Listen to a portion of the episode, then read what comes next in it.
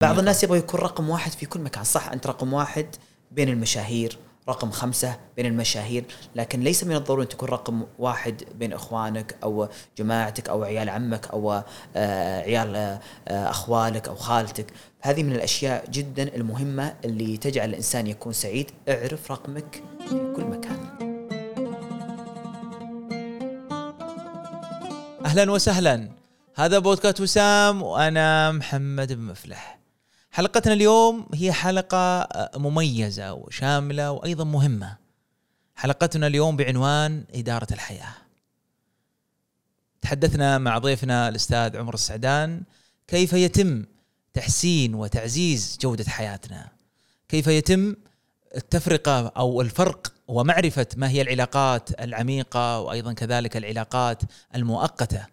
أيضا تحدثنا عن كيفية بلورة السعادة الحقيقية في حياتنا وفي اجتماعاتنا وأيضا كذلك توطيط علاقتنا مع الآخرين سواء كانوا العلاقة مع العائلة أو مع الأصدقاء أو مع الزملاء أو مع العلاقات العابرة إن صح التعبير.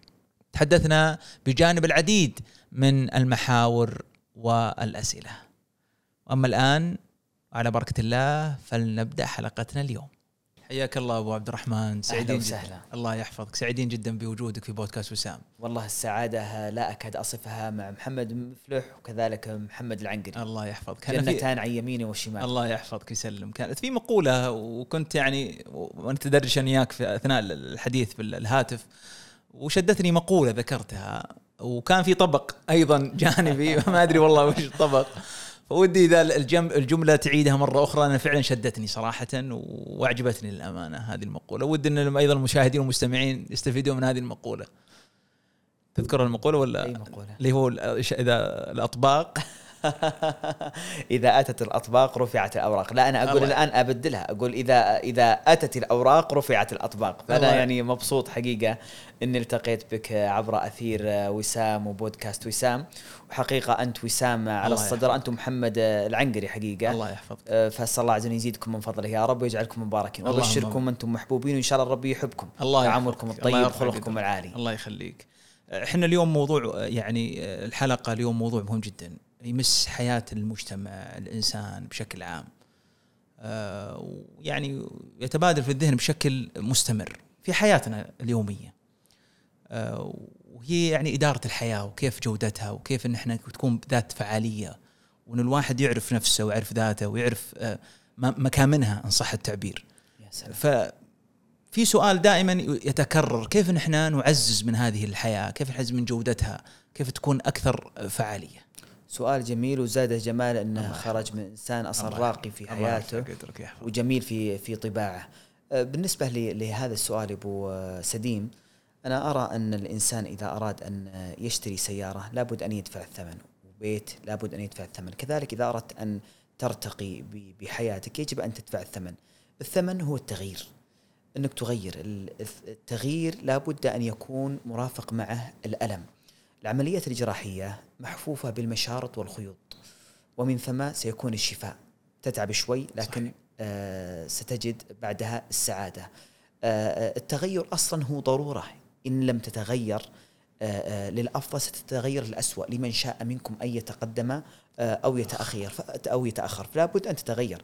أنت الآن يا آه, آه، محمد أنت تغيرت الآن وأنا أكلمك لأخبرك أن الموضوع ضرورة. عمرك تغير خلاياك تغيرت. آه، آه، يعني آه، كل شيء يتغير في في الإنسان يتقدم أو يتأخر.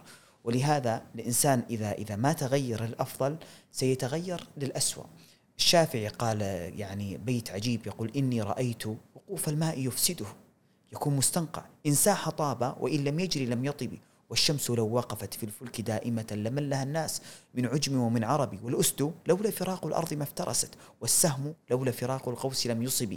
فإن تغرب هذا عز مطلبه وإن تغرب ذاك عز كالذهب فالبحار إن لم تتحرك وتتغير صارت مستنقعا. وكذلك الأسد لو لم يتحرك ويتغير آه، آه، لبقي آه، هو هو هو الفريسة التي ستؤكل. لكن الإنسان يجب أن يتقدم حتى يستطيع أنها يكون في حياة أكثر جودة ويعني أكثر أكثر رقي. أنا أشوف من أهم الأشياء التي ينبغي للإنسان إن يتأملها في في رقية في في الحياة آه، أن يعني هناك نواقيس. إذا دقت لابد أن تتغير. يعني خطر إنك تمشي بهذه الطريقة وبهذا المسار آه، وناقوس الخطر يدق عليك. منها ضعف الإنتاجية. تشوف إن أمسك نفس يومك وتكرار الأيام تتكرر. تجد أن الأيام باهتة. ليس لها طعم وليس لها ذوق والسبب آه، أن الأيام تتكرر بنفسها آه، آه، ويكون عندك ضعف في الانتاجيه. هل هي منطقة الراحة أبو عبد الرحمن؟ يعني نعم. يعني هي الإنتاجية هي منطقة الراحة الواحد يجلس في مكانه وكذا؟ الضعف الانتاجيه هي يعني بسبب الإنسان يحب أن يسكن ولا يتحرك ويكون في في منطقة الراحة، يقولون ضعف الإنتاجية أو أو جودة الإنتاجية بجودة المشاعر، وجودة المشاعر بجودة العلاقات. فإذا أردت أن تكون عندك جودة يعني ممتازة فيجب أن يكون عندك مشاعر جيدة، الله عز وجل يقول ربي اشرح لي صدري ويسر لي أمري، لابد أن يكون إذا أردت تتيسر أمورك لابد أن يكون صدرك منشرح. صحيح. فالمزاج العالي آه، سيولد آه، إنتاج عالي. طيب المزاج العالي كيف يأتي؟ يأتي بالعلاقات. طيب أول علاقة يجب أن يهتم فيها الإنسان العلاقة مع من؟ العلاقة مع الذات. العلاقة مع النفس. العلاقة مع الروح. الإنسان يمر كل يوم على تحدي من تحديات الحياة صحيح كيف يتعامل مع تحديات الحياة كيف يتعامل مع الآلام كيف يتعامل مع المصاعب كيف يتعامل مع المشاكل كيف يتعامل مع الماضي كيف يتعامل بسخرية الأقارب. أحيانا يقولون آآ آه، آآ آه، يعني آآ آه، والعود في أرضه نوع من الخشب يعني بوق الحي لا يطرب أهله. أحيانا الأقارب بنفسهم هم من يقول أنت ما تستحق هذه المكانة أنت لا تستطيع أنت لا تقدر. كيف تتعامل مع الكلام الذي يأتيك؟ هذا كذلك يعني محور جدا مهم يجب الإنسان يتأمله. من أهم الأشياء اللي يجب الإنسان يتأملها في التعامل آه، آه، مع الذات إنه ينظر إلى إلى آه، يعني يجعل للشيء السيء قيمة أو للشيء السلبي قيمة. كيف يجعل للشيء السيء قيمة؟ إيش النتيجة؟ تنتهي المعاناة حينما تجعلها قيمة. الآن أعطنا مثال مثال المرض الآن. شيء سلبي ولا إيجابي؟ بلا شك سلبي. طيب أنا أريد أن أوجد في شيء إيجابي. يقول اجعل من الألم جانب إيجابي ليخف عليك الألم أو أحيانا ينتهي الألم. مثلا المرض عطني شيء إيجابي في المرض. الواقع اللي الآن اللي موجود إيه؟ يعني يكون إن شاء الله يعني حسنات إن شاء الله. الأجر أحسنت. الأجر. النبي صلى الله عليه وسلم كما جاء في صحيح البخاري يقول من يريد الله به خيرا يصب منه. يعني تاتيه بعض المصائب. فإذا أتتك المصائب هذا أجر لك وكذلك أهل البلاء يودون لو قرضوا بالمقاريض يعني لما لما لأهل البلاء من عظم الجزاء عند الله عز وجل. فأنت لو تركز مثلا المريض لو ركز مثلا على الجانب الإيجابي من الألم سيخف عليه المرض. هذا كذلك موضوع الديون. بعض الناس سلمك الله آه، يدخل في يعني هموم الديون ومشاكلها ومصائبها فتجد إنه في وقت رغد العيش وما إلى ذلك بعيد عن الله عز وجل، الديون صار يطيل السجود الله رجع إلى الله عز وجل، وترى أغلى ما في خزائن الله عز وجل أخوي محمد ليس آه، المال، أغلى ما في خزائن الله الهدايه. الله الله عز وجل آه، يعني النبي صلى الله عليه وسلم يقول يدخل الجنة أناس يدخلون الجنة بالسلاسل. كناية على انه آه، يأتي بعض الأقدار اللي لتوجع وتؤلم ليعيدك الله عز وجل إليها. إي نعم. الآن الطفل تجد الطفل أحيانا يبكي ويرى آه، علبة الدواء الملونة ويريد أن أن يأكلها فوالده يضرب كفه كي يبتعد عن عن هذه الأدوية الملونة والطفل متمسك بها. ثم آه، آه، والده يأخذ منه الدواء والطفل لا زال يبكي. وهكذا نحن مع الله عز وجل. كثير من الأشياء نحن نرى ظاهرها أنها آه، يعني جميل وهي داخلها نقم وليست نعم. فالله عز وجل يبعدها عنا رحمة بنا. فحالنا مع الله عز وجل كحالك مع الطفل. يا أخي إذا كان هذا بينك وبين عقل طفلك عشرين سنة أو ثلاثين سنة فكم بينك وبين علم الله وحكمة الله عز وجل؟ فإذا استشعرت هذا الأمر يعني ربطت الأمر بالقضاء والقدر يعني هذه من الأساليب من صيغ التفكير التي تجعلك تتجاوز الألم مع نفسك. آه الإنسان سيمر على التحديات هناك صيغ تفكير أنك تقول يا أخي هل هو من الله عز وجل؟ نعم من الله عز وجل. ما تدري ربما يكون خير فيما أكره. آه، عمر بن الخطاب رضي الله عنه طبعا هو أكثر من توسعت الدول في في بين الخلفاء الراشدين عمر بن الخطاب رضي الله عنه. عمر الخطاب يقول كلام عجيب. يقول والله إني لا أبالي. ليش يا عمر؟ أصبحت على ما أحب أو على ما أكره. يقول أقوم على شيء حلو أو شيء سيء. ليش يا عمر؟ يعني الإنسان إذا قام على شيء سيء يضيق صدره. ليش ما يضيق صدره؟ قال لأني لا أدري هل الخير فيما أحب أو فيما أكره. ربما يكون الخير فيما تكره. وتجد يا شيخ مثل ما أسلفت في أول اللقاء آه ترى كثير من الأشياء الجميلة يكون وجهها شوي سيء. لاحظ مثلا أو شيء تكرهه. لاحظ مثلا الجنة محفوفة إيش؟ بالمحبوبات ولا المكروهات. المكروهات العمليات الجراحية محفوفة بالمشارط والدماء وما إلى ذلك ومن ثم ستشفى. كذلك اسأل أي ناجح. تجد أنه مر على آه، أشياء سيئة ومتاعب وكلمات أو كلام سيء. ولهذا ترى الناجح يمر على ثلاثة مراحل. أي ناجح يمر على ثلاثة مراحل؟ دكتور يمر على هذه المرحلة التاجر يمر على هذه المرحلة آه، طالب العلم يمر على هذه المرحلة صاحب الدراسات العليا يمر على هذه المرحلة. إيش هذه المراحل؟ المرحلة الأولى مرحلة التهكم والسخرية. إذا يعني دخلت في في في آه، أي مشروع تريد آه، أن تنجح فيه يبدأ موضوع السخرية والتهكم. يكون في هناك أشخاص عملية استنقاص عملية استنقاص خاصة من الأقارب أو من يعرفك صغير. يقول والعود في أرضه نوع من الخشب. الناس أنت تشوف نفسك عود لا أو يشوفك خشب. ف فل... فل... فل... هذه الظاهرة موجودة عند الناس. يعني في ناس يقول لا ما هي موجودة إلا عندي. لا هذه الظاهره موجودة عند الكل. خاصة عند من يعرفك صغير والأقارب وأحيانا أحيانا كذلك الأبوين. يشوفك يا أخي هو لا يزال ينظر إليه إنك طفله المدلل والصغير وخايف عليك وأحيانا من الخوف من محبة. ف ف 80% لهذا ترى 20% من المجتمع هو اللي بارز بروز كبير جدا. لأنه تغلب على نفسه. عنده تحدي بينه وبين نفسه. ولهذا أول نجاح إنك تتغلب على نفسك تتحدى نفسك و و و وتتحدى روحك وتتحدى ذاتك وتقطع لذاتك وتنطلق. يعني الإنسان أحيانا كالسهم يرجع للوراء لينطلق. ينطلق. أي نعم. ف ف أنت قلت المر الأمر الأول هو استنقاص المرحلة مرحلة مرحلة التنقص والسخرية. نعم. تمام؟ 80% يتوقف عندها الناس. ترى الناس كلهم يبغون النجاح. لكن الفرق أن ال 80% هم اللي يتوقفون 20% هم الذين يتقدمون. تمام؟ ثم إذا تقدمت يبدأ الذي كان يسخر منك يبدأ ينظر إليك بإعجاب لكن لا يبدي إعجابه.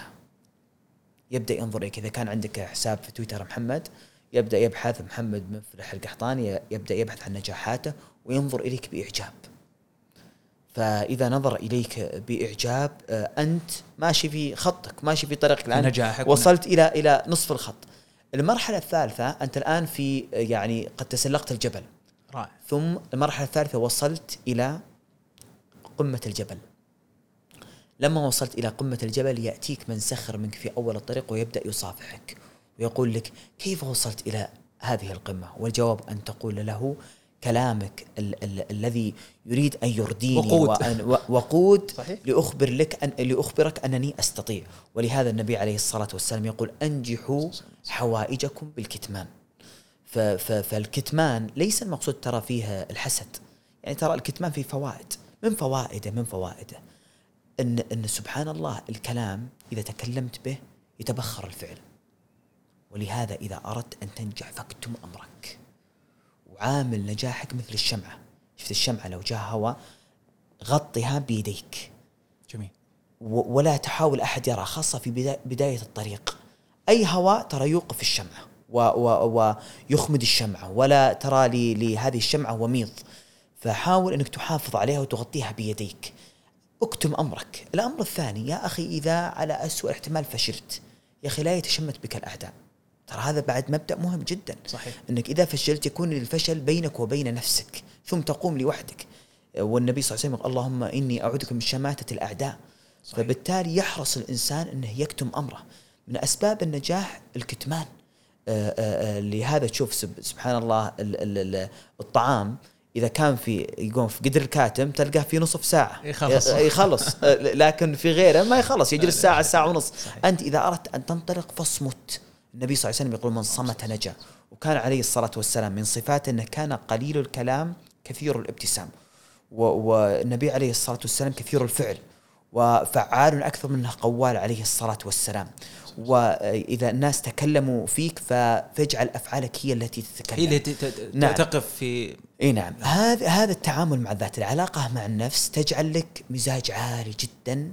بعدها يأتيك كذلك آه يأتي كذلك آه، آه، إنتاج عالي جدا. النبي آه، الله عز وجل في في في القرآن يقول ربي اشرح لي صدري على لسان أحد الأنبياء وش ربي اشرح لي صدري ويسر لي أمري. لا يكون تيسير الأمر إلا بانشراح الصدر. المزاج العالي. المزاج العالي يكون بالعلاقة الجيدة. موسى القصة هذه لموسى. موسى وهارون اشتد به أزري؟ صحيح. فلازم يكون عندك أصدقاء لازم تكون عندك علاقات بالآخرين. جيدة. من أهم الأشياء في في العلاقات بالآخرين العلاقات تنقسم عدة أقسام. بس قبل العلاقات إذا سمحت لي أنت إيه. قلت أول شيء لازم أعرف أنا ذاتي. اي نعم. فأنت من خلال عرف ذاتي إنه ما يتعلق في آه، يعني آه، هل أنا يعني في في منطقة الراحة ولا أنا انطلقت وحاولت إني أنا أتقدم خطوة إلى الأمام. جميل. هل في أشياء أخرى لمعرفة الذات؟ أعرف أنا شخصيتي أعرف أنا نقاط قوتي نقاط الضعف اللي موجودة عندي إيش جوانب التحسين والفرص. هذه الأشياء اللي اللي أنا أتوقع الكل يحتاجها صراحة في معرفة الذات نفسها. جميل. طبعا هي تتنوع كلمات الناس إلى إلى تسمية هذه الأسماء. منهم ما يسميها الشغف. أنا كيف أعرف شغفي؟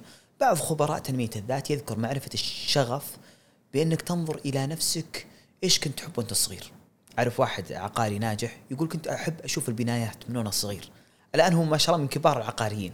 فأنت انظر بعض الناس يحب الرسم بعض الناس يحب الخط بعض الناس يحب العلم بعض الناس يحب القراءة. تلقاه والد أحيانا يجعل باب مكتبته مفتوح فيجده صغير عمره أربع سنوات أو ست سنوات أو سبع سنوات تجد أنه يأخذ الكتاب يبدأ يقلب الصور في في الكتاب مستمتع بالكتاب عنده علاقة جيدة بالكتاب. فتجده كبر آه، يكون محبته للعلم آه، كبيرة. أنا أذكر وأنا في ثانية متوسط كانت الوالدة آه، آه، عندها مسجل في المطبخ وهي معلمة فكانت وقت قيلولتها. فكنت آخذ المسجل وقت الظهيرة الوالدة غير موجودة ويعني في وقت القيلولة فكنت أضع بعض الأشرطة وأفرغ بعض المحاضرات وأنا في ثاني متوسط أو أولى متوسط. كنت صغير. ف فرغت كثير من الدفاتر ثم آه، كتبت لي ثلاث كتيبين ومطوية صغيرة واحد عن الموت وكذا يعني عن الفراق وعن الآخرة وما إلى ذلك والكتاب الثاني اسمه القرآن يتحدى كله بخط اليد. وأنا في في هالعمر الصغير الأمر الثالث قصة معتكف مطوية صغيرة اسمها قصة معتكف. توجهت أنا ويعني لدار القاسم في وسط الرياض الشيخ عبد الملك القاسم. لما توجهت له ذهبت مع السائق. قلت وين الشيخ عبد الملك؟ كنت قصير القامة آه، لابس شماغ يعني الأحمر آه، ثوب قصير قامتي قصيرة صغير. إيه. دخلت عند الشيخ فأذكر أحد الإخوة السودانيين فأشار إلى الشيخ أنه في الدور الثاني. فدخلت في الدور الثاني ثم وجدت الشيخ عبد الملك القاسم بوقاره فأعطيته كتيبين وأعطيته مطوية فلما أعطيته آه قلت للشيخ آه قالوا وش عندك؟ آه يعني قلت والله يا شيخ عندي ثلاث رسائل. رائع فضحك الشيخ يعني ضحك ملفت. فأنا استغربت ليش يضحك؟ يعني هل هو هو مستغرب من حجم الجسد؟ أي. ومستغرب من كلمة رسائل. يعني هي المطوية 30 صفحة. 30 صفحة وانت تقول رسالة. الرسالة الرسالة تطلق دائما رسالة الدكتوراه ورسالة الماجستير. أيه. أنا في ظني إن الرسالة دائما الرسالة تصير 60 60 حرف أيه. رسالتها قصيرة. أنا ما أعرف أيه. دراسات العليا اعرف رسالة ماجستير ورساله دكتوراه فضحك الشيخ لما قلت رسالة. فمددت له المطوية فإذا بها تسع صفحات والكتيب 25 صفحة والكتيب الثاني 35 صفحة. فقال أنا بقرأهم مرني بعد أسبوع. فجيت بعد أسبوع فما وجدته ثم فاجأته الأسبوع الثاني دخلت عليه فجأة وهو موجود فسلمت عليه فأعطاني على قولتي الرسالة الأولى أي رسالة. ثم الرسالة الثانية ثم أعطاني آه، المطوية وهي آه، قصة معتكف. قال هذا آه، هذه المطوية سنطبع منها عشرين ألف نسخة. لا إله إلا أنا سرت في جسدي الرعشة وارتسمت على قسمات الدهشة. أنا ما توقعت أني يقبلها أصلا ولا يقرأها. يعني قلت عشرين ألف نسخة؟ قال نعم. قال هل تتنازل عن حقوقك؟ قلت حقوق إيش؟ قال تبغى فلوس ولا تبغى آه تتنازل؟ قلت الآن تطبعون لي تعطوني فلوس؟ لا والله بتنازل. جزاكم الله. قال أجل اذهب لفلان ووقع آه ورقه أنك تتنازل عن حقوقك خمس سنوات. وتوجهت ووقعت. قال لي آه لكن عندنا أمر ودك تتنبه له يعني اقتراح. اي قلت وش يا شيخ عبد الملك؟ قالوا ان أنا كتبت اعتبر يا معتكف. قال لا نبغاك تغيرها من اعتبر اعتبر يا معتكف إلى قصة معتكف. رائع. اي يعني بلور بلور العنوان. العنوان. إيه قلت سم اللي تبيه يا شيخ. فوضع الشيخ اسم المطوية قصة معتكف. جلست شهرين أو ثلاثة شهور فإذا بها شهر ثمانية تقريبا طبع منها ففرحت بها حقيقة. الله. ولا يعلم الشيخ عبد الملك كم أثر هذا الأمر إلى هذه اللحظة وهذا التشجيع إلى هذه اللحظة في قلبي إلى الآن. أثر فعلا أنا طويل. عندي الكتيب اللي اهديت لك الآن. إيه أنا أقول ترى آه هذا. هذا هذا الكتاب باكورة كتب. ألفت جلسة على الرصيف إيه. وألفت عدة كتب. وهذا الكتاب من أنا أقول ترى الشيخ عبد الملك القاسم هو المؤلف. الله. ليش؟ لأنه هو السبب. سبب الدال على الخير كفاعله. أنا ألم يشعل في قلبي؟ ألم يشعلني؟ والناس ما آمن أنا أقول الشيخ عبد الملك أول من آمن بي. الله. الله يجزاك فمعرفة معرفة يعني معرفة هو هو يعني شيء بالشيء يذكر. أنت ذكرت قلت كيف أعرف نفسي؟ تعرف صحيح. نفسك تنظر إلى نفسك وأنت صغير ماذا كنت أحب؟ أنا كنت أحب أقرأ أحب الكتابة أحب أمسك القلم أحب أنني أفرغ. آه، في الشيخ عبد الملك جزاه الله خير يعني آه، آه، يعني هو كان سبب في في في إشعال هذه هذا هذه الموهبة في في في وأنا أقل من ذلك لكن يعني كان سببا في في تشجيعي في في هذا الأمر. طبعا أنت ذكرت سلمك الله في التعامل مع الذات والتعامل مع صحيح. النفس إنك تشوف نفسك إيش الأشياء اللي تحبها وأنت صغير، هذه من الأشياء اللي تجعلك تكتشف آه، شغفك وتعرف تعرف نفسك ما في أدوات يعني أنا والله إيه؟ يا أخي أنا متشتت أنا إيه؟ ما أقدر أفكر أو ما أدري وش اللي أحبه إيه؟ هل في أدوات ممكن تساعدني لمعرفة الذات أعرف شخصيتي أعرف وضعي الآن الحالي إيه؟ هو هو شوف أنا عندي قاعدة هو الانتشار ثم الاختيار أي. بمعنى سلمك الله لا بأس ترى أنا دائما أقول لا بأس آه، أن تكون فوضويا في أول نجاحك الفوضوية أحيانا تعرفك بالطريق الانتشار ثم الاختيار. أنت إذا وقفت إلى إلى آه، همومك ومهامك ستعرف الذي يصلح لك والذي لا يصلح لك. الشيخ بكر بن عبد الله أبو زيد هو ابن عمتي. آه، فكانوا دائما يقولون يا شيخ وش ال ال ال الكتب التي نقرأها في أول طلب العلم؟ قال أزعجتونا بهذا السؤال.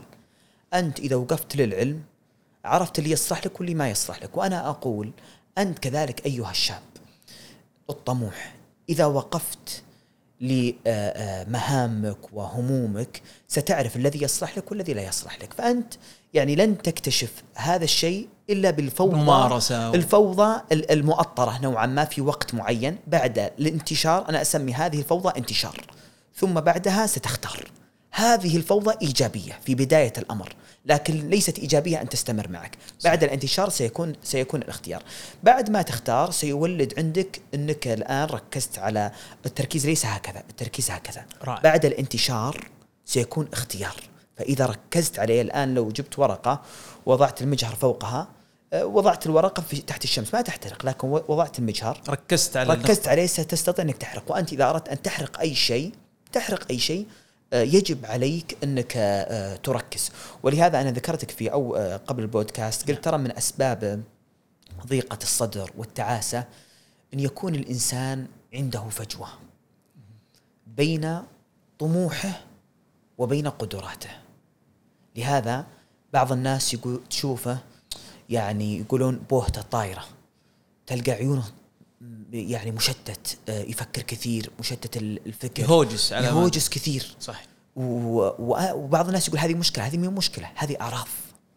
هذه أعراض هذه النواقص قوس الخطر اللي تقول أنت في, نعم في نعم. بعض الاشارات يعني. صحيح هذه إشارة لخطر. هذه تكة مفاجئة وأعراض آه، آه، لمشكلة قائمة عندك. أنت عندك ملفات مفتوحة همتك عالية وغالية وقدراتك ضعيفة. بمعنى سلمك الله انت تبغى مثلا إنك آه، تتزوج تبغى سيارة جميلة سيارة غالية وبيت ويكون في رصيدك المبلغ الفلاني عندك همة عالية وقدرات ضعيفة أو ما يكون عندك عمل. ففيه الفجوة هذه. صحيح. الطريقة لا يصح أن يكون عندك ملفات مفتوحة إما أغلقها أو مزقها. قفل الموضوع. لهذا أنا أفرح بالملفات أفرح إذا واحد قال لي لا. تدري ليش؟ لأني خلاص أنسى الموضوع. قفل. أم المقتول أم المقتول ترى ترتاح تنام. وأم السجين ما تنام. وهكذا أنا أقول له في التعامل مع كثير من من من, من حياتك. يعني تجد سلمك الله أنه يكون عنده طموح عالي وعمل آه، عمل ضعيف أو قدرات ضعيفة. فلهذا تجد مثلا آه، الموظف البسيط تجد أن قدراته على مقاس طموحه. تلقى مبسوط. القناعه كنز يفنى هذا يصلح له. الثاني صاحب المزاج العالي آه، حطم همومه بتحقيق مهامه عنده همة عالية وعمل عالي كذلك. أنت ضائع بينهما. الهمة عالية والعمل ضعيف. والقدرات أقل. تريد أن تحصل على المفقود بلا مجهود. فهذه هي المشكلة أن ضائع بينهما ومشتت العزمات ينفق عمره. حيران لا ظفر ولا إخفاق وأنت مسكين ضائع في الحيرة. فلهذا إما أن يكون عندك عمل وأمل وتحطم همومك بالمهام أو اجعل قدراتك على مقاس طموحك وهكذا ستكون سعيد. فلهذا من الأشياء اللي تجعل الإنسان سعيد يقول طيب أنا أبغى أشياء عملية. الأشياء العملية أنك تحرص على آه، آه، أنك تفتت أعمالك. بمعنى واحد قالوا نبغاك تأكل هذا الفيل. قال مستحيل أنا آكل فيل ومعدتي آه، على قد كفي. واحد ثاني قالوا نبغاك تأكل فيل. قال أستطيع أن آكل لكن اعطوني وقت. جزأ هذا الفيل وأخذ ثلاث سنوات فبدأ يأكل منها كل فترة. طبعا هذه قصة رمزية نعم. توصل المعنى. توصل نعم إي نعم. فبعد ثلاث سنوات أكل كامل هذا الفيل لأنه جزأه وأنا أقول هكذا افعل مع مهامك. إذا تبغى تحفظ القرآن جزأه إذا أردت عندك تعلم مهارة معينة لغة إنجليزية ركز على النمو نعم. لا تركز على الاكتمال. ركز هذه قاعدة ركز على النمو لا تركز على الاكتمال. لا تقول أنا الحارث ترى مو مثل الوارث. صحيح. بمعنى سلمك الله أنت ركز لا تقارن العشريني بالخمسيني. حاول إنك تركز على آه، آه، آه، النمو. أنا أنا رك قارن نفسك بنفسك لا تقارن نفسك بغيرك. صح. هذه من الأشياء المهمة. كذلك من الأشياء المهمة اللي تجعلك يعني تتغير بشكل كبير وتصل إلى هدفك وهو إنك يعني يكون عندك كتمان عالي لاكثر الناس إلا لصديق حميم ووالدتك والدك الشخص الذي يحبك الشخص الذي يشعل يشعل طموحك إذا إذا فضفضت له بشخص يحبك آه هذا سيدفعك بإذن الله إلى الاتجاه الصحيح. إلى الاتجاه الصحيح إلى ما تحب. ذكرت بالنسبة للعلاقات وهذه بعض المكونات نعم. في جودة الحياة نعم العلاقات تعطيك جودة مشاعر وجودة المشاعر تعطيك جودة الانتاج العلاقات اللي تفضلت فيها ذكرت العلاقة إيش؟ مع النفس. مع النفس كل صح. هذا المحور عن العلاقة مع النفس. جميل جميل. إيه أنت تقصد أنا أتكلم عن العلاقة انت ذكرت مع النفس وهناك في علاقات أخرى نعم. هذه اللي أنا أذكرها سياقها في عملية العلاقات في ما يتعلق في جودة الحياة. جميل. طبعا هذه العلاقات آه، يعني آه، يكون آه، ما عدا العلاقة مع النفس العلاقة مع الآخرين. يعني ترى 80% من تحقيق الأهداف بالعلاقات. صحيح. يعني إنسان ما عنده علاقات ترى لو ماخذ الأول في الجامعة. وإنسان يعني ما شاء الله تبارك راعي قراءة. ما عندك علاقات ترى مستوى نجاحك منخفض جدا. ولهذا أبو زرعة ذكر أن عدد صحابة النبي صلى الله عليه وسلم 121 ألف صحابي. 121 ألف صحابي تخيل واحد في جوال 121 ألف رقم. عدد كبير. صحيح. ولم يكن هناك في عهد النبي صلى الله عليه وسلم برامج تواصل ولا 121 ألف صحابي. وأنا مرة استغربت. النبي عليه الصلاة والسلام ليش ما سمى الصحابة طلابه؟ صحابي. يعني ليش ما قال 121 ألف طالب؟ وهم حقيقة طلاب عند النبي صلى الله عليه وسلم وهو شيخهم. وهو شيخ الجميع وهو نبينا عليه الصلاة والسلام. ما اللمحة التربوية في هذا الموضوع؟ اللمحة التربوية أن النبي عليه الصلاة والسلام عنده مهارة في كسب الصحابة رضي الله عنهم حتى ينتقل إلى صديق عليه الصلاة والسلام. لذلك النبي صلى الله عليه وسلم لو تلاحظ كان عليه الصلاة والسلام الصحابة يحبون حب عظيم. ولهذا يقولون كنا نشتاق إلى النبي صلى الله عليه وسلم وهو إيش؟ وهو معنا. الشوق يكون للبعيد. كيف تحب النبي صلى الله عليه وسلم وهو جالس معك؟ ومن عجب أني أحن إليهم ويشتاقهم قلبي وهم معي. وتشتاقهم عيني وهم في سوادها ويشتاقهم قلبي وهم بين أضلعي فالصحابة رضي الله عنهم يشتاقون للنبي عليه الصلاة والسلام وهو معهم فكيف إذا بعد عنهم؟ فبالتالي شعور الصحابة رضي الله عنهم محبة النبي صلى الله عليه وسلم عظيم جدا. ليش؟ كان النبي عليه الصلاة والسلام يهتم بالصحابة؟ فمثلا أبو بكر رضي الله عنه ما كان يقول يا عبد الله لا كان يقول يا أبا بكر. طيب يا أبا بكر ما عندك ولد اسمه بكر؟ لا لأنه كان يبكر في العبادات. فعنده الصفة جميلة فكان يقول فيكنى. فيكن فيلقب إيه التكنية التكنية, التكنية إذا كان عندك ولد. اللقب إذا كان عندك صفة جميلة حتى لو ما عندك ولد. فالنبي عليه الصلاة والسلام يعني أبو بكر ولد اسمه عبد الرحمن ولده الأخير اسمه محمد. يستطيع أن يقول يا أبو محمد يا أبا عبد الرحمن يا أبا عائشة. لكن يقول يا أبا بكر. اسمه عبد الله عبد الله بن أبي قحافة. صحيح. لكن النبي عليه الصلاة والسلام لما رأى عنده الصفة الجميلة اهتم به أعطاه أحلى اسم يحبه. ثم اهتم باهتماماته عليه الصلاة والسلام فكان يراعيه إذا جاء عمر بن الخطاب تخالف ويا أبا بكر. يقول دعوا لي صاحبي دعوا لي صاحبي. فالنبي عليه الصلاة والسلام كان يحب أبا بكر محبة عظيمة ويقربه ويهتم به ويهتم باهتماماته. عمر الخطاب كان أجمل صفة فيه إيش؟ وأبرز صفة في إيش؟ السمة الغالبة يا من يرى عمر تكسوه بردته والزيت أدم له والكوخ مأواه يهتز كسرى على كرسيه فرق من بأسي وملوك الروم تخشاه. أعظم صفة في عمر إيش؟ الشجاعة والهيبة. صحيح. فكان يقول يا أبا حفص هل عنده ولد اسمه حفص؟ حفص معناها أسد. فكان النبي عليه الصلاة والسلام يقول يا أبو أسد.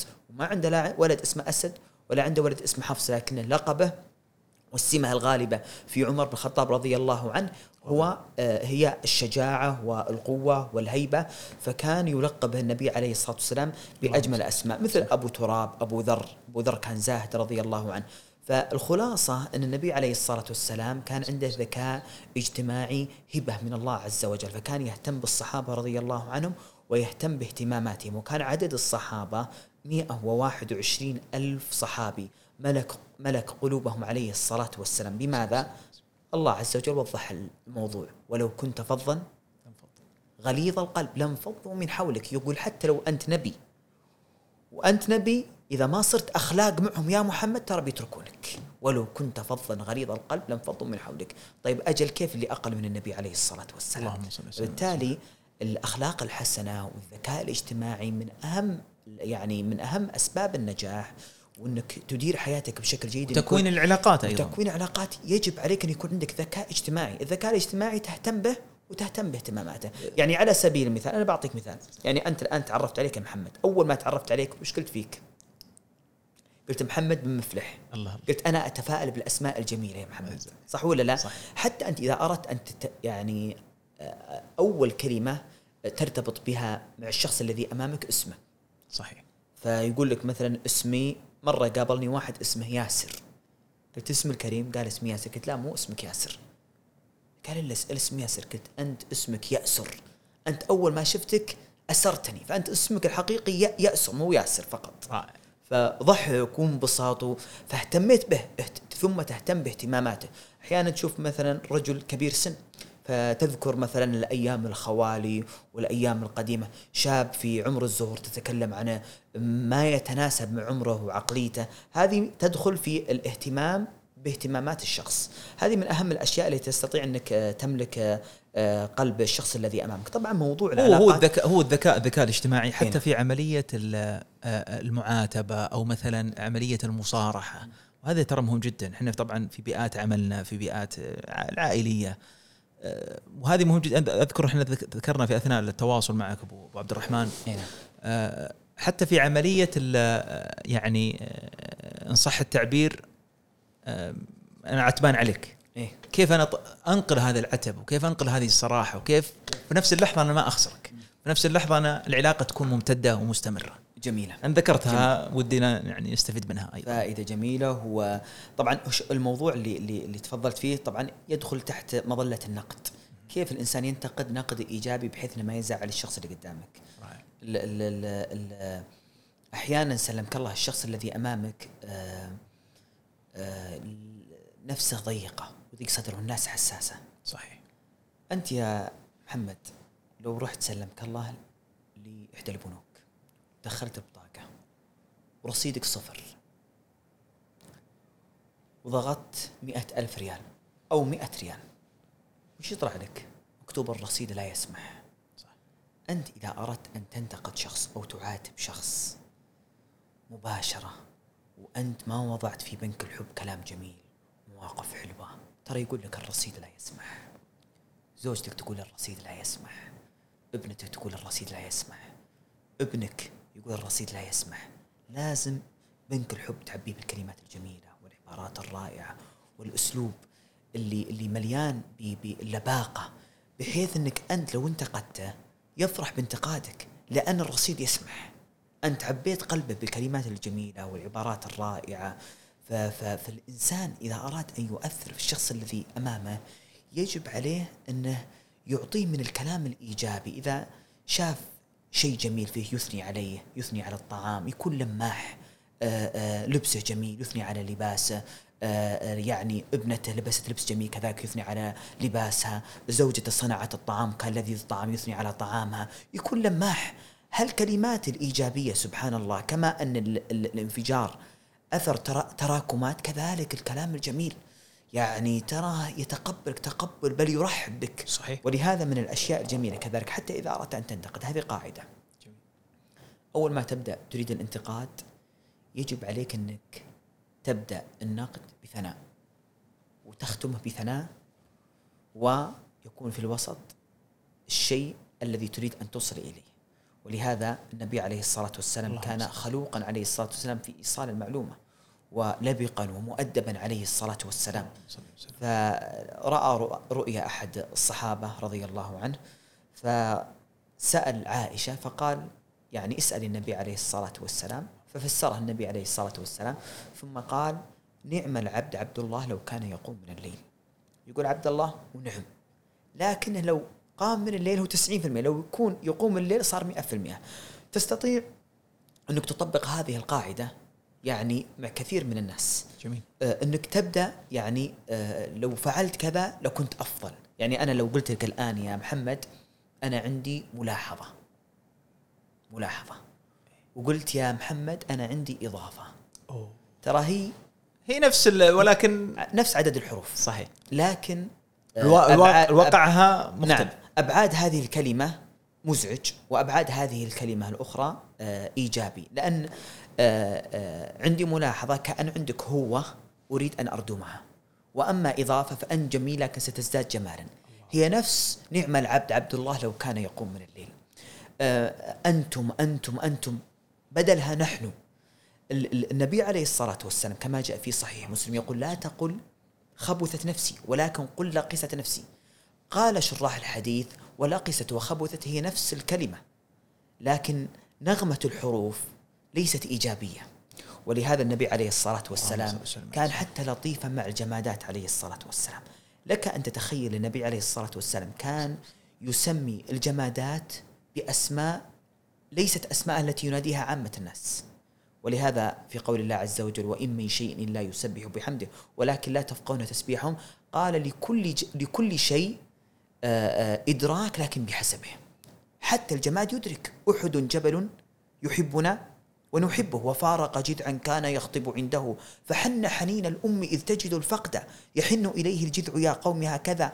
أما نحن أولى أن نحن له وجدا إذا كان جذعا لم يطق بعد ساعة فليس وفاء أن نطيق له بعدا الجماد حن وأن لما النبي عليه الصلاة والسلام ارتقى على المنبر الجديد. وضمه النبي عليه الصلاة والسلام قال لو لم ألتزمه لبكى إلى قيام الساعة. فالنبي عليه الصلاة والسلام كان حتى لطيفا حتى مع الجمادات فكان يسمي الكاس الصادرة. وكان يسمي عليه الصلاة والسلام العود الممشوق وكان يسمي المشط الذبل والمرآة المدلة والحمار الذي يركب عليه عليه الصلاة والسلام يسميه يعفور وقيل عفير وكان عنده فرس يسميه اللزز وسكب وسبحة وكان عنده ناقة يقال لها القصواء. لماذا يكنيها أو يلقبها بهذه الألقاب؟ قال أهل العلم كما أنك تكني الأطفال الصغار تحببا إليهم وتصغر أسماءهم فكذلك النبي عليه الصلاة والسلام كان يلقبها بأجمل الأسماء تلطفا معهم وهذا يدخل في قول الله وما أرسلناك إلا رحمة للعالمين. فالجماد عالم.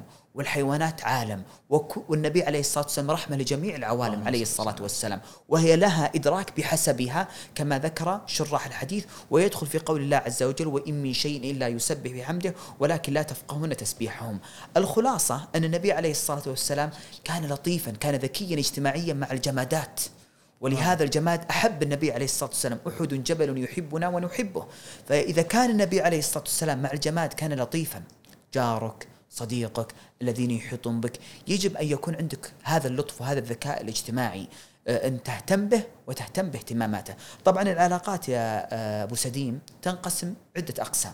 منها العلاقة المؤقتة وهذه تخص المشاهير. أي. أي نعم. والعلاقة القديمة واحد درس معك الابتدائي تمام؟ أنت خذيت الدكتوراه وهو يسميك الآن آه، يجيب عيارتك أو إيه. لقبك اللي اللي النظام القديم. اللي اي نعم. ويناديك فيها. إيه. هذا كيف تتعامل مع العلاقة القديمة؟ بعض الناس لا ي... لا, لا يعرف كيف يتعامل مع ما يقدر يكيف العلاقة مع العلاقة. وكذلك هو يتعامل معك بشعوره لما كان طفل أو كان صغير أو في المتوسط أو الجامعة وأنت تلقاك مسؤول. العلاقة القديمة هذه لها فن كيف تتعامل معها. كذلك العلاقة ال ال ال العميقة, العميقة. نعم. كذلك العلاقة المنتظمة العلاقة المنتظمة كيف تتعامل مع زملائك في العمل. كل هذه لها طرق في التعامل. طبعا أخطر العلاقات هي علاقتين. بنركز عليها. رائع. العلاقة العميقة أيوة. والعلاقة المؤقتة. العلاقة المؤقتة ممكن أنك تكون في أعلى عليين أو ينظر إليك صفر في المئة. والسبب إنه موقف دقيقة أو دقيقتين يبني انطباع كامل عنك. ولهذا يقولون احذر في أول تسع ثواني مع آه مع أول شخص. أول تسع ثواني صعب صعب إنه ينساه سبحان الله. صحيح. ويترك انطباع وصورة نمطية عنك في أول تسع ثواني. ولهذا آه من أهم الأس من أهم الأشياء في في العلاقات المؤقتة آه ثلاثة أمور. أول شيء كثرة الابتسام. مبتسم. اللباقة في الكلام عدم المصارحة. ما تصارح وتمشي قدر الإمكان. ليش؟ لأنك أنت تسمع دقيقة دقيقتين ثلاث دقائق ويمشي. يعني واحد مثلا أنت في الطائرة تجلس مع ساعة وهو جالس جلسة غريبة مثلا وأنت ما ارتحت لهذه الجلسة. ليس من الذكاء الاجتماعي أنك تثرب عليه خاصة إذا لم يكن آآ آآ إذا إذا لم يكن هذا الأمر فيه مخالفة شرعية. ولم يكن فيه إيذاء لك ولم يكن متكرر عليك. ما في إيذاء؟ وله وله متكرر عليك وليس فيه مخالفة شرعية. فهذا اتركه. طبع انت اتركه. ما دام تمشي ماشي. ممكن في الطائرة ساعة ساعتين إلى ست ساعات إلى يوم. خلي الأمور تمشي. تمشي صح. لا تدقق واحد مثلا رفع صوته. حاول إنك تغلق هذا الموضوع بدعوة طيبة بابتسامة خفيفة بإنك يعني قدر الإمكان لا تصارح هذا الرجل ابدا. آه، بالثلاث شروط التي ذكرتها ما يكون مؤذي ولا متكرر ولا في مخالفة شرعية. آه، هذه من الأشياء آه، المهمة حتى تنجح في العلاقات المؤقته وأغلب علاقاتنا ترى مؤقتة. يعني أحيانا تمشي مثلا في الط... تمشي في المطار وأنت ماشي سلمك الله مثلا وأنت رجل مثلا معروف. وبتفوتك الطائرة. فيجي واحد مثلك وأبغى أصور معك. وباقي على الطائرة تغلق البوابة خمس دقائق. ممكن إذا اعتذرت منه شو يقول لك؟ متكبر شايف يقول هذا شايف نفسه. وهذا خطر العلاقات المؤقتة. وممكن يقول هذا فلان أحسن واحد. والرجل يعني ما تستطيع إنك تحكم عليه إلا من سفر أو في في تبادل أدوار معينة أو في في في المال الفلوس. تستطيع إنك تعرف الرجل. لكن أكثر الناس مشاعريين. يتأثر في الخمس دقائق هذه. فهذه العلاقة جدا مهمة الإنسان يلتفت لها ويتنبه يهتم فيها. يهتم فيها جدا إنه يكون حتى في اللقاءات يعني مثلا اللقاءات مثلا العزايم. وهذه ترى تحدث كثير نعم. يعني أنا ممكن آخذ منك انطباع جيد أو سيء في نفس اللحظة. ولهذا يا شيخ أنا ترى ما أذكر شخص دخل في مجلس وسكت وندم لكن شفت أشخاص دخلوا مجالس وتكلموا وندموا. ولهذا النبي صلى الله عليه وسلم يقول من صمت نجا والنبي عليه الصلاة والسلام كان من أسلوبه في المجالس عليه الصلاة والسلام كان كثير الابتسام قليل الكلام. الله. ومرة تفكرت في شخص الجميع يحبه. قلت هو يعني لم يقرأ كتاب ديل كرنجي في في يعني في في في مهارات التعامل مع الآخرين وما إلى ذلك. فاستغربت فوجدت عندي صفتين. مبتسم قليل الكلام. يا الله. يترك انطباع جميل عنه. ترى قلة الكلام ترى هو كلام صحيح. إنك حكيم. وحتى لو لم تكن حكيم يظهر الناس إنك حكيم. صحيح. وينظر الناس إنك مؤدب وخلوق. فالنبي عليه الصلاة والسلام يقول من ستر من من من من صمت نجا. في السكوت تراه يعني من جاء. من جاء سبحان الله كما أخبر النبي عليه الصلاة والسلام. فطبعا القول الطيب هو أفضل. النبي عليه الصلاة والسلام قال قل خيرا أو يصمت. إذا بتقول خير لا والله طيب إنك تتكلم. لكن إذا أنت مرر هذه الكلمات على عقلك إذا كان الم... الذي ستتكلم فيه. من المباح والله الصمت أفضل. قل خيرا أو اصمت كما أخبر النبي عليه الصلاة والسلام. هذه العلاقة المؤقتة. رائع. ثلاثة أمور. اللباقة في الكلام كثرة الابتسام الصمت إنك تمشي قدر الإمكان. رائع. لا تدقق ولا تحقق. وضابط هذا النقطة الثالثة أن لا يكون في مخالفة شرعية وأن لا يكون متكرر ولا مؤذي. نعم. إذا كان مؤذي لك جدا لا يجب عليك أنك تبعد إيذاءه عنك أو متكرر بشكل كبير يجب أن توقفه. إذا كان في مخالفة شرعية شرعا النبي صلى الله عليه وسلم الله يعني أخبر أن الإنسان آه، يعني آه، يظهر استياءه له بقلبه كما أخبر النبي عليه الصلاة والسلام. اللهم صل وسلم. آه، العلاقة العميقة وهي جدا مهمة في أن الإنسان يدير حياته بشكل جيد. وكثير من الناس لا يتفطن لها. تدري يا شيخ أن أكثر الناجحين أكثر الناجحين متزوجين. وزواجه ناجح. لأن النبي عليه الصلاة والسلام آه، كان وزير المالية في بداية دعوة النبي عليه الصلاة والسلام خديجة رضي الله عنها. وزير الدفاع كان أبو طالب. كانت خديجة رضي الله عنها تدافع تدفع للنبي عليه الصلاة والسلام وأبو طالب يدافع عن النبي عليه الصلاة والسلام. ولم يتزوج على خديجة رضي الله عنها البتة. والصحيح أن النبي عليه الصلاة والسلام ترى تزوج خديجة وعمرها 28 سنة ترى مو 45 سنة. وهذا نعم الواقدي آآ آه، آآ آه، ذكر البخاري والشافعي وغير واحد من المحدثين أنه مدلس. أي نعم وكلامه لا يؤخذ وذكر أن عمره 45 صحيح والصحيح طبيا وحديثيا إن أبناء النبي عليه الصلاة والسلام كلهم جاءت من خديجة رضي الله عنها وهم عدد عدد أبناء النبي صلى الله عليه وسلم وبناته سبعة. إبراهيم هو الذي أتى من ماريا القبطية. الستة كلهم من خديجة. فلو كان عمرها 45 سنة يعني هي قاربت سن اليأس. فالأقرب حديثيا آه، وحديثيا وطبيا أن يكون عمرها 28 سنة. يعني هي أكبر من النبي عليه الصلاة والسلام تقريبا ثلاث سنوات سنتين. فعائشه خديجة رضي الله عنها كانت علاقة النبي صلى الله عليه وسلم مع علاقة عميقة. ولذلك النبي عليه الصلاة والسلام لما نزل وهو خائف لما نزل عليه الوحي ترى ما راح لأبو بكر. راح للعلاقة العميقة وهي زوجته. فقال زملوني وخديجة رضي الله عنها شوف الامرأة العاقلة. قالت أبشر.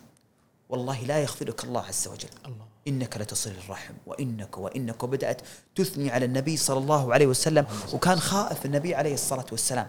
ولهذا بعض الناس يقول المرأة إيش؟ خلقت من ضلع أعوج. أنا أقول لولا اعوجاج القوس ما انطلق السهم.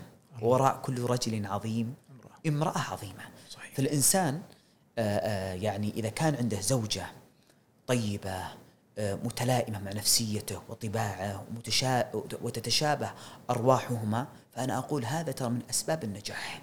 لأن النبي لأن رب العالمين وصف الزوجة أنها صاحبة.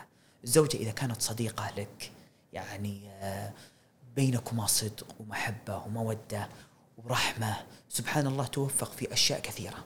ولهذا النبي عليه الصلاة والسلام لم يتزوج على خديجة البتة فمن أهم الأشياء في في آه، العلاقة في, العميقة. في العلاقة العميقة آه، ثلاثة أمور. الأمر الأول يجب أن يكون هناك احترام. بعض الناس ما يفرق بين رفع الاحترام ورفع الميانة. فيرفع الاحترام فأحيانا يقول أنت ليش حساسة؟ فيتكلم مثلا يسبها أو يشتمها أو يلعن. فيقول أنا آه، أمون عليك. ليش تزعلين؟ أنت لم ترفع الميانة. أنت رفعت إيش؟ الاحترام. ترى واذا رفع الاحترام في أي علاقة؟ إذا رفع الاحترام ترى رفع الحب ورفعت المودة ورفعت الرحمة ورفعت كل المبادئ الجميلة. لأن الاحترام هو سيد الأخلاق. فالنبي عليه الصلاة والسلام كان يتعامل مع خديجة باحترام وجمال وإجلال عليه الصلاة والسلام ولهذا يعني أكثر زوجات النبي صلى الله عليه وسلم التي طالت مع العشرة خديجة رضي الله عنها ولم يتزوج النبي صلى الله عليه وسلم عليها حبا لها صلوات ربي وتسليمه عليه مع أنه كان شاب عمره 25 سنة. آه ثم جلس النبي صلى الله عليه وسلم أعزب ثلاث سنوات ثم تزوج سودة بنت زمعة ثم تزوج عائشة ثم تزوج الزوجات آه الأخريات الخلاصة يجب في, في الزواج أن يكون هناك أو العلاقة العميقة الاحترام. طبعا العلاقة العميقة خلينا نعرفها. إيش العلاقة العميقة؟ العلاقة العميقة زوجتك. اللي هم مكو... أصحاب العلاقة. التي لا تكاد تنفك. جميل. طب زوجتك لو طلقتها هل تصير علاقة عميقة؟ هنا سؤال. تصير أم عيالك هذه كذلك علاقة عميقة.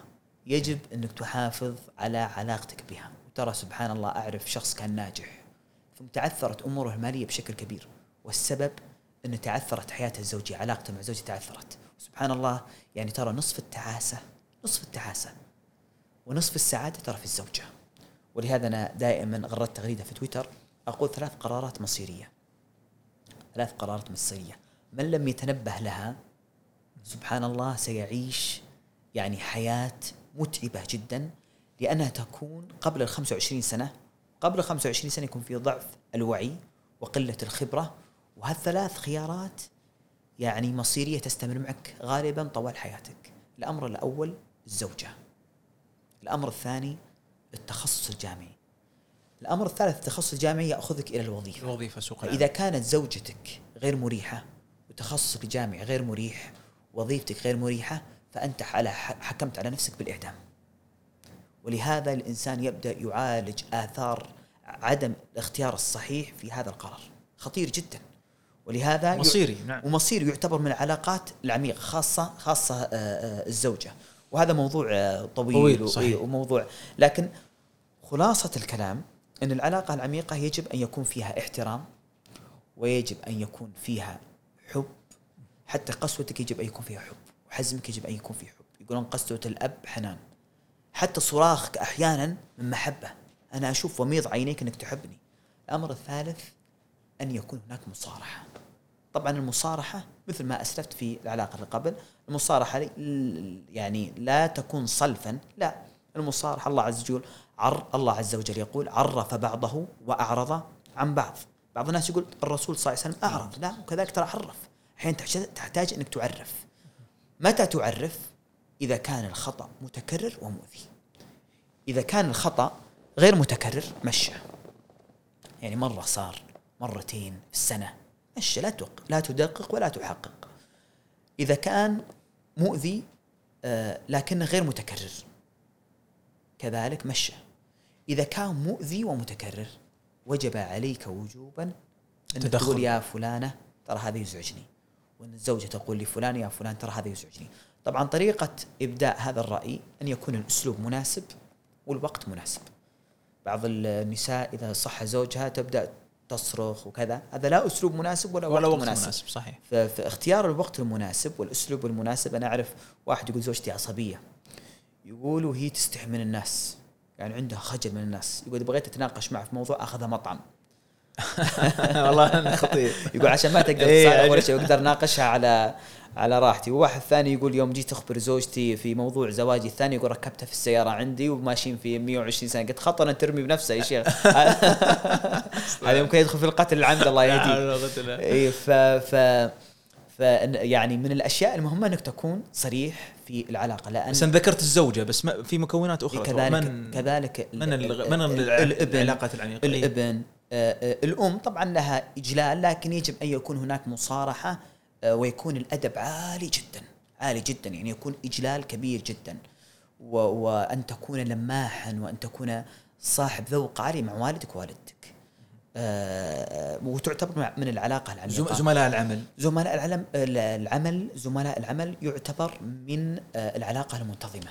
هذه كذلك آه من الأشياء آه يعني زملاء العمل ثلاثة أشياء كذلك مهمة إنك تتعامل معهم فيها. الأمر الأول آه، جمال الهندام. لبسك يتكلم. لهذا معاوية بن قرة سئل قيل ما المروءة؟ قال عند من تعرف أو من لا تعرف؟ قال عند من تعرف أو من لا تعرف. قال أما عند من لا تعرف فهو حسن اللباس حسن الهندام. وأما عند من تعرف فهو حسن الكلام. فإذا اجتمع في العلاقة المنتظمة العلاقة المنتظمة يعني من الساعة ثمانية إلى الساعة خمسة مثلا تمام؟ من الساعة سبعة للساعة ثنتين الظهر. هذه علاقة تبدأ بوقت وتنتهي بوقت ويجمعكم عمل. هذه علاقة منتظمة, منتظمة. يعني يعني ليس فيها قرابة وليس فيها آه، مقصد سلمك الله مشاعري لا هو علاقة جمعكم فيها عمل. هذه العلاقة المنتظمة.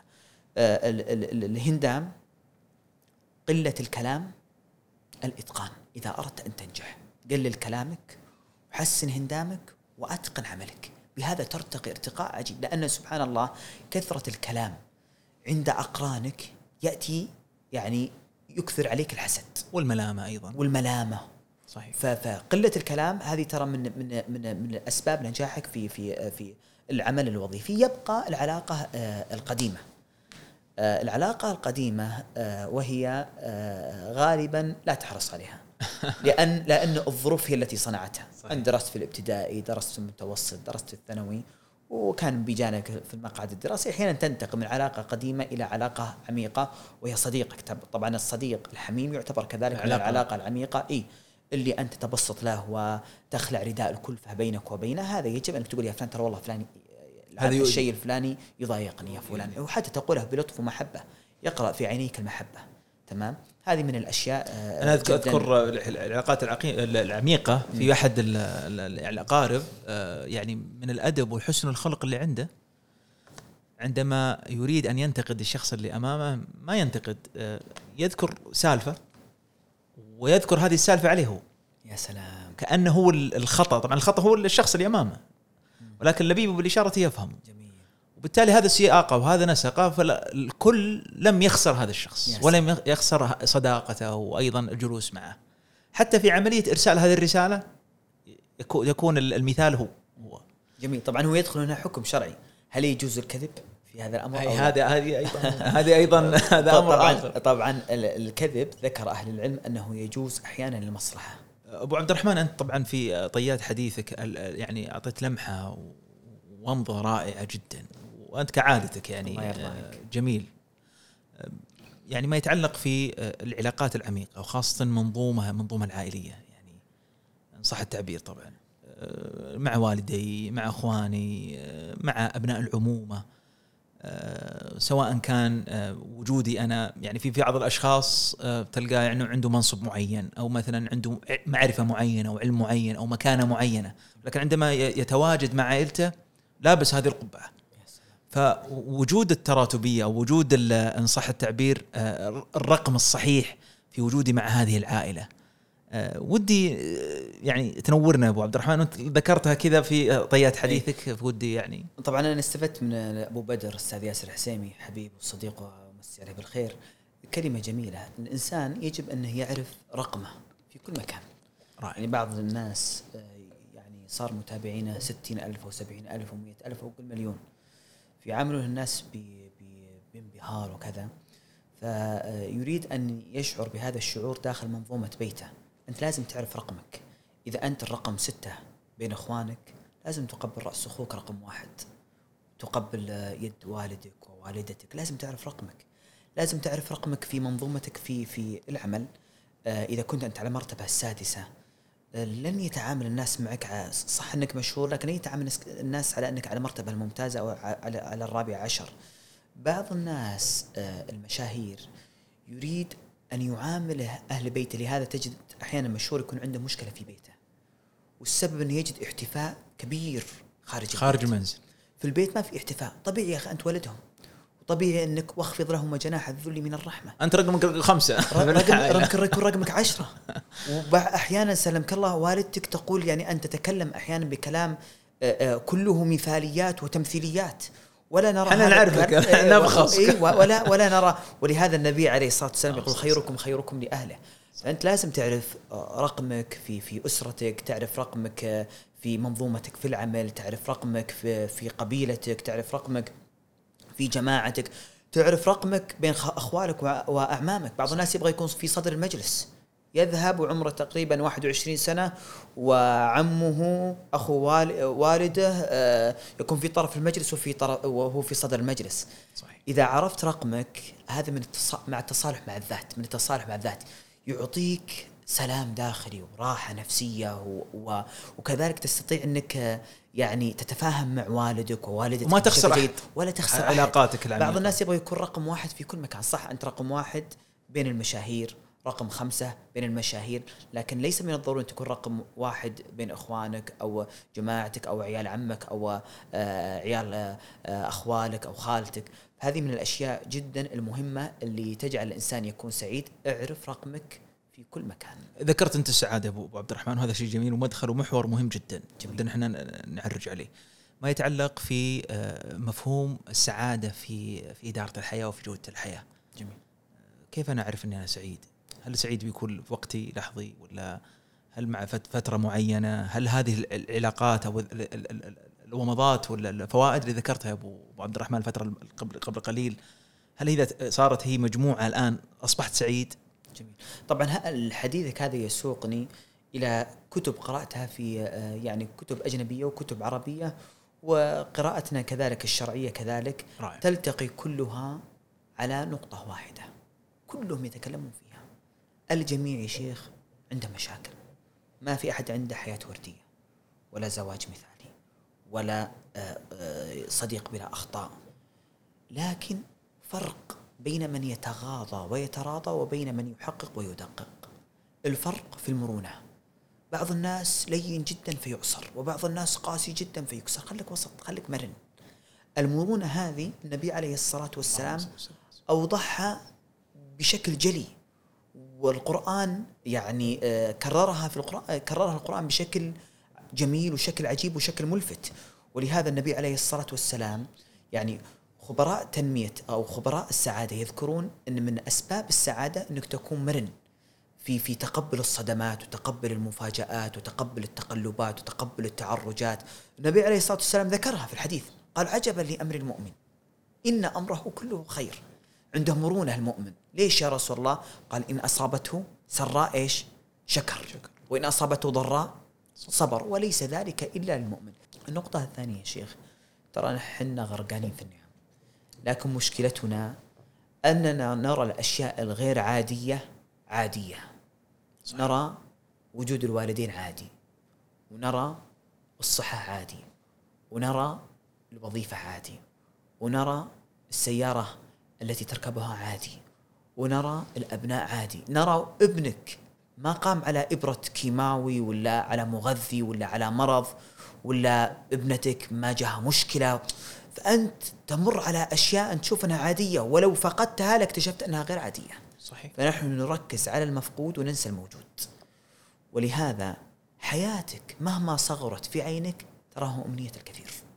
حياتك صحيح. مهما صغرت في عينك أمنية الكثير. لو تتأمل السجين ترى أمنيته أنه يكون طليق وحر مثلك.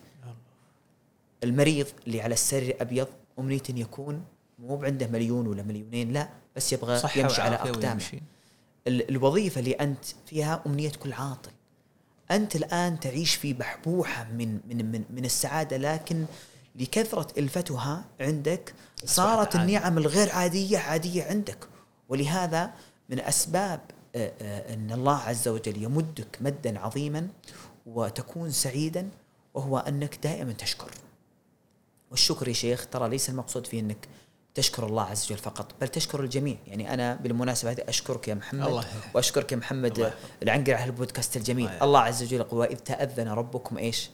لئن شكرتم لئن شكرتموني لئن شكرتم ترى حتى شكرتم الناس. مو شكرتموني أنا فقط. إذا شكرت الناس ترى تشكر الله. يقول النبي عليه الصلاة والسلام كما جاء عند أبي داود لا يشكر الله من لا يشكر الناس فمن أسباب السعادة إن الإنسان أول ما يستيقظ من النوم أنه يعدد النعم. يقول الحمد لله. الله رازقني وظيفة. الله رازقني أسرة. الله رازقني والدين. الحمد لله ما في أحد من أبنائي آه، يعني عنده مصائب أو عنده مشاكل أو بنتي الحمد لله حافظة نفسها. اللهم لك الحمد. آه، والدي والدتي صحتي التي يعني الثلاجة الثلاجة فيها أكل. الثلاجة مليانة, مليانة. السقف الآمن المكيف صنبور الماء الدافئ. يا أخي ترى هذه نعم عظيمة. يا الأمن أخي والأمان اللي إحنا فيه يا أخي ال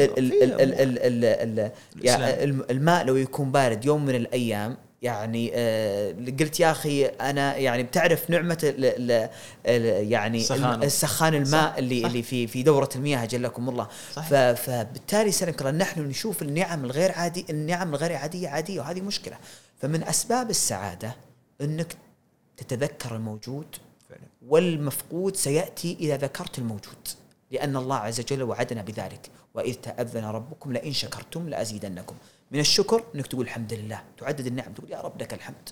وستجد بإذن الله أن الله عز وجل سيمد لك من السعادة مدا مدا بإذن الله, الله أكبر. هذه من أسباب السعادة في في أحد الأصدقاء قال لي يعني سالفة حصلت له وصراحة فيها لفتة. يعني أنا يقول هو الشخص يقول حصل على يعني شهادة علمية. ويعني نشر هذا هذا الإنجاز. وكان في هناك في حفاوة وتقدير من مجموعة من الناس. فجاء اتصال من أحد الأشخاص القريبين على قلبه فذكر كلمه وهنأ بهذه الشهادة وبهذه المرحلة وقال محمد إنه إنه هذا الشخص يعني قال أنت الآن في نعمة. آه وفي نعمة هذه النعمة ما حد ما حد يعيشها الآن. سأله قال وش النعمة هذه؟ قال النعمة الناس اللي آه، شكروك والناس اللي هنؤوك. ترى الكل يحصل على شهادة علمية والكل يحصل على على إنجاز. ولكن عندما شفت هذا اللفته وهذا الإنجاز وهذا الشكر وهذه الحفاوه وهذا التقدير فهذه ترى نعمة ورزق من عند الله عز وجل. إن الناس يحبونك يا سلام. إن الناس يشكرونك الناس يفرحون لك. يا سلام. كان هذا الإنجاز لهم مو بلك. صحيح. ف كان يصحي يصحي من النوم. ولهذا النبي صلى الله عليه وسلم يقول ما من عبد إلا وله صيت في السماء فإن كان حسنا وضع في الأرض. ولهذا أحيانا تشوف يا محمد شخص تشوف تقول يا أخي حبيته. وأحيانا تشوف شخص تقول يا أخي ما ارتحت له صحيح. مع أن آه الإنسان ليس سيء. لكن هو شعور لا يمنطق. والحب لا يمنطق والكره لا يمنطق. هو شعور داخل القلب. الله. وأحيانا من أسبابها العلاقة بالله عز وجل. الإنسان إذا كان صالحا طرح الله عز وجل كما جاء في الحديث محبته بين الملائكة ثم الملائكة ينادي جبريل أنا أحب فلان فيحبونه ثم ينادي على أهل الأرض أنا أحب فلان فيحبونه. فتشوف مثلا الشيخ عبد العزيز باز. الشيخ عبد العزيز باز جمع الله عز وجل له شيئا لم يجمعه للأئمة الأربعة لا الإمام أحمد ولا الشافعي ولا مالك ولا أبو حنيفة. تدري إيش؟ محبة الناس له حكاما ومحكومين. الجميع يحبه. الله. الملك فهد رحمه الله كان يجله ويقدره كذلك الأمير عبد العزيز بن فهد حفظه الله كان يجله ويقدره آه، وكذلك الشعب كان يجله ويقدره وهذه قليل تجتمع عند عالم. الشيخ بن باز اجتمعت عنده. ونحسبه والله حسيبة أن بينه وبين الله عز وجل خبيئة. الله. ولهذا نشر الله عز وجل له ذكرا حسنا في الأرض فأسأل الله عز وجل أن ينشر له ذكرا حسنا في السماء. وأنت ترى تلاحظ ترى الشيخ بن باز ترى ميت الآن له 15 سنة. إحنا صغار. يعني ومع هذا نذكره كأنه ميت أمس. صحيح. يعني حتى الناس الآن يقولون وش قال ابن باز؟ وش قال؟ ما قول ابن باز. تروح للدول السواحلية ما رأي ابن باز. تروح لمصر ما رأي ابن باز. فالشيخ ابن باز له علاقة. يعني هذه من الأشياء المهمة القبول. ولهذا يا شيخ كذلك ترى من الأشياء كذلك والشيء بشيء يذكر. آه الشخص اذا إذا وقع في قلبك أنك تحبه تراه يحبك. إيش الدليل؟ ابن عباس رضي الله عنه صار له موقف مثل هذا. قال إن هذا الرجل ليحبني. قالوا وما أدراك يا ابن عباس؟ وش دراك؟ قال لأنه وقع في قلبي أني أحبه. والنبي عليه الصلاة والسلام يقول إن الأرواح جنود مجندة ما تعرف من ائتلف وما تناكر من اختلف. ابن عباس أعطانا الدليل رضي الله عنه وأرضاه. فلا تتجاهل كذلك الانطباع الأول. ترى ما وقع في قلبك ترى وقع في في في في قلب الشخص الآخر. وعموما سلمك الله ترى يعني كذلك ليس من العبادات أنك تبدي ما في قلبك تجاه الشخص اذا اذا إذا رايته فيعني أنك تقول مثلا بعض الناس السنة أنك تقول أحبك؟ في الله.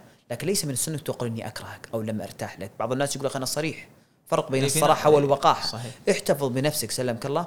وإذا أردت يعني ترى اللي بينك وبينه يعني آه لا يجب عليك إنك تكون عندك علاقة وطيدة مع أي شخص. بعض الناس يجعل العلاقة عنده حماقة يجعل العلاقة إما عداوة أو صداقة. ترى العلاقات أقسام فيه معارف فيه زملاء فيه صديق حميم فيه خليل.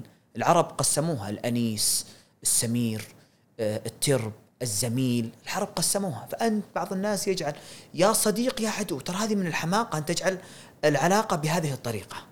يا هو صديقي يا هو عدوي فلهذا آه، من الأشياء المهمة يا شيخ اللي كذلك تورث السعادة عند الإنسان إنك تقول الحمد لله إن الله عز وجل رزقني قبولا، والله العظيم بعض الناس صحيح. إذا مر في ذهنك تحبه، فكيف إذا التقيت به؟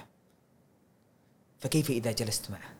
فكيف إذا سافرت معه؟ قبول سبحان الله، يعني الواحد سألني قال لي يا أبو عبد الرحمن آه وش وجدت من الشهرة؟ قلت أنا ماني مشهور.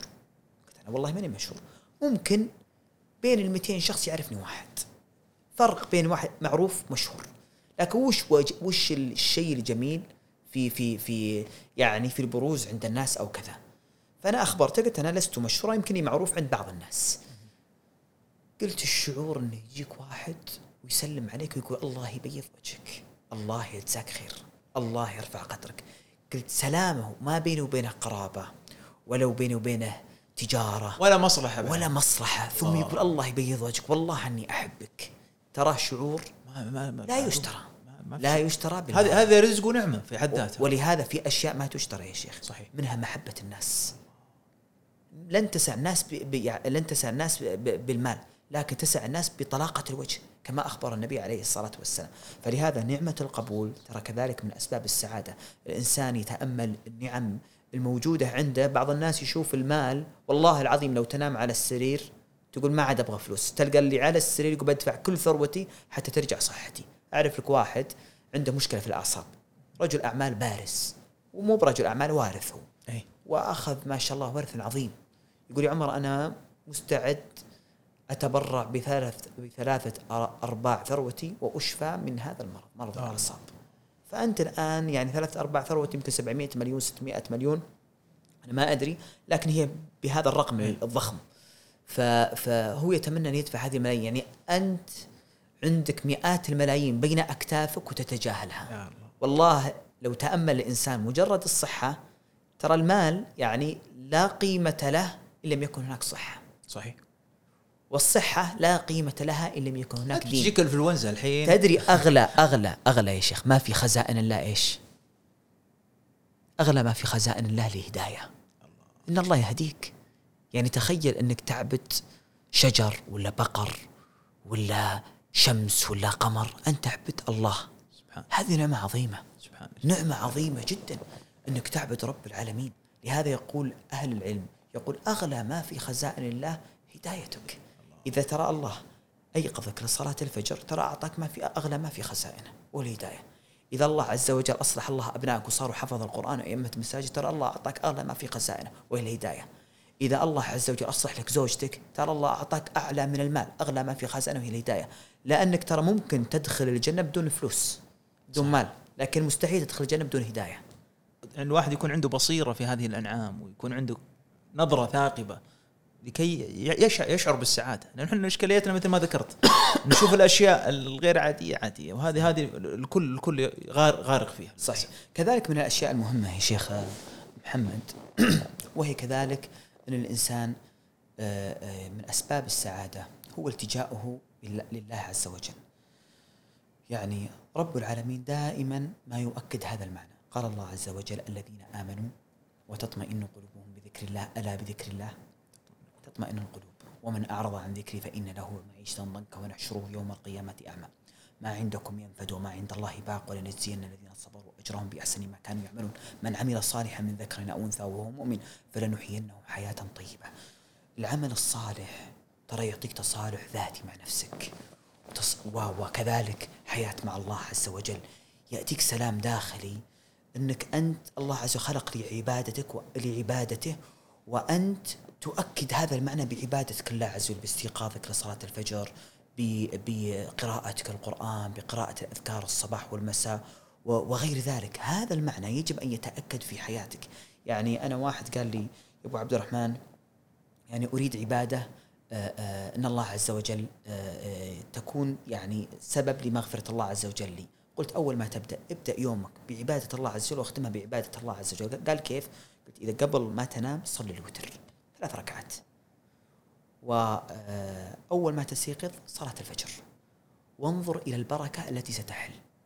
يقول والله إذا نمت عن صلاة الفجر إن البركة لا تحل. أولها سلمك الله أنني أقابل الناس بوجه ضائق وابتسامة سيئة وأقابل زملائي أعمال بهذه الطريقة. يقول هذا اول أو هذا بدا هذا بدايه هذا بداية اليوم.